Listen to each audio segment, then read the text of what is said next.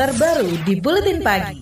Menteri Koordinator Politik Hukum dan Keamanan Wiranto segera menemui DPR untuk membahas rencana revisi Undang-Undang Anti-Terorisme. Wiranto ingin memasukkan penyebar kabar bohong atau hoax sebagai teroris, sehingga bisa dijerat dengan undang-undang tersebut. Menurut Wiranto, hoax di media sosial merupakan bentuk teror baru. Undang-undang kan tidak serta-merta bisa diubah, tapi undang-undang tidak tabu untuk diubah karena kita akan menganut satu masyarakat hukum yang bersifat namanya luas ya. Progresif progresif itu artinya ya bisa berubah dengan keadaan-keadaan lingkungan yang terus berubah. Tapi kalau kondisi lingkungan berubah teknologi berubah perilaku manusia berubah hukum tidak lagi bisa memenuhi standar untuk memberikan pencegahan efek jerah dan sebagainya ya harus diubah Menko Polhukam Wiranto menambahkan penyebar hoax bisa diperlakukan seperti teroris karena membahayakan masyarakat. Menurutnya, negara harus menyiapkan payung hukum kuat untuk mencegah peredaran hoax, terutama menjelang pemilu. Undang-undang informasi dan transaksi elektronik dinilainya tidak cukup kuat untuk menangkal besarnya dampak hoax. Ketua Komisi Hankam DPR Abdul Karis Al-Masyari mengatakan Pernyataan Menko Polhukam Wiranto yang menyamakan per perbuatan mencipta dan menyebar hoax sebagai terorisme justru tidak sesuai dengan konteks Undang-Undang Terorisme. Politikus dari PKS itu juga menyebut pernyataan Wiranto justru meneror masyarakat dan melahirkan ketakutan. Ah itu berlebihan. Ya menurut saya berlebihan itu. Ya, ya ini kan bukan terorisme sebagaimana yang dimaksud dengan undang-undang terorisme. Nggak tahu maksudnya Pak Wiranto apa itu jangan jangan malah kemudian menyebarkan apa membuat teror kepada rakyat itu kan gitu. Ini kan malah nakut-nakutin rakyat jadinya. Menurut saya tidak pas. Ya, itu aja kalimatnya tidak pas.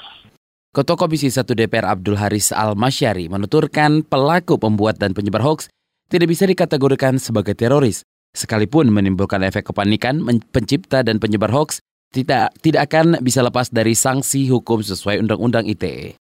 Pakar Hukum Pidana dari Universitas Trisakti, Abdul Fikar Hajar, menilai memasukkan hoax sebagai bagian dari terorisme sebagai hal berlebihan. Seharusnya ada kebijakan lain yang bisa dilakukan untuk menekan banjir hoax dengan tidak menyamakannya sebagai terorisme. Kebebasan berpendapat itu akan akan terhambat. Apa demokrasi itu menjadi mundur kalau itu jadi gitu. Padahal kalau maksudnya bagaimana orang supaya tidak melakukan hoax lagi kan tinggal menambah hukumannya atau apa pun jangan mengkualifikasi itu menjadi uh, menjadi sebuah tindakan teror gitu. So seolah-olah orang Indonesia ini teroris semua gitu iya kan? Kebebasan orang untuk berekspresi pun dianggap menjadi bagian dari teror gitu. Nah, itu yang yang nggak benar itu gitu. pakar hukum pidana Abdul Fikar Hajar menuturkan sanksi hukuman untuk para pelaku pembuat dan penyebar hoax sebenarnya sudah diatur dalam Undang-Undang Informasi dan Transaksi Elektronik jadi, kalau masih juga ingin dimasukkan ke dalam undang-undang terorisme, nantinya dikhawatirkan malah jadi pasal karet. Masyarakat Anti Fitnah Indonesia Mavindo menyatakan upaya merevisi undang-undang terorisme untuk menjerat pencipta dan penyebar hoax bukan pilihan yang tepat. Direktur Tim Cek Fakta Mavindo Ari Wibowo Sasmito menjelaskan penggunaan undang-undang ITE sebenarnya sudah cukup meski meski pada praktiknya undang-undang itu justru jadi pisau bermata dua dan memuat pasal karet. Ya, masalahnya kan undang-undang ITE, ITE sendiri sebetulnya sudah memadai, tapi dalam pelaksanaannya yang selama ini di, dikasih label pasal karet kan dibilang begitu ya. Kita tahu selain dipakai bisa dipakai untuk menghukum yang dianggap sebagai penjahat, tapi ternyata bisa dipakai untuk menangkap juga orang yang melaporkan pakai bahan undang-undang ITE. Direktur Tim, Tim Cek Fakta Mavindo Aribowo Sasmito juga menuturkan, cara terbaik memerangi hoax yaitu dengan mengedukasi masyarakat.